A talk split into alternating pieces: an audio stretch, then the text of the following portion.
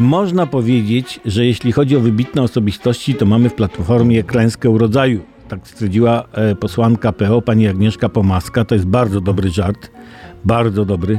Doceńmy, poturlajmy się po podłodze, uchachajmy się do wymiotu, puśćmy z nosa smarka chichotka.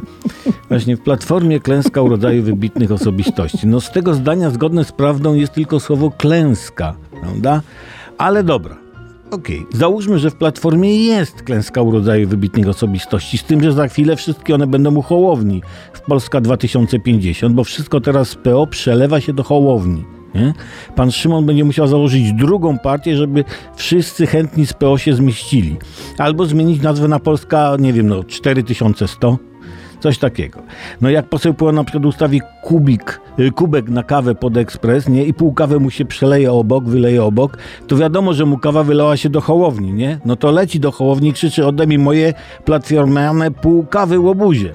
Niedługo dzięki emigrantom z PO i innych partii Polska 2050 jako ugrupowanie pozaparlamentarne będzie miała w Sejmie większość.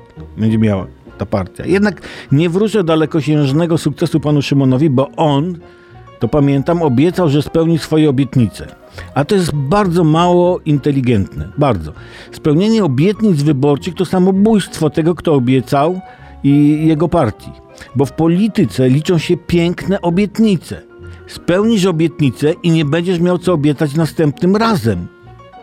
PiS ma teraz taki problem. Nie dotrzymał obietnicy 500, piękna obietnica, dotrzymał i teraz musi co? Wyskakiwać z nowym ładem. Bo widzicie, żeby został stary ład, trzeba teraz obiecać nowy ład.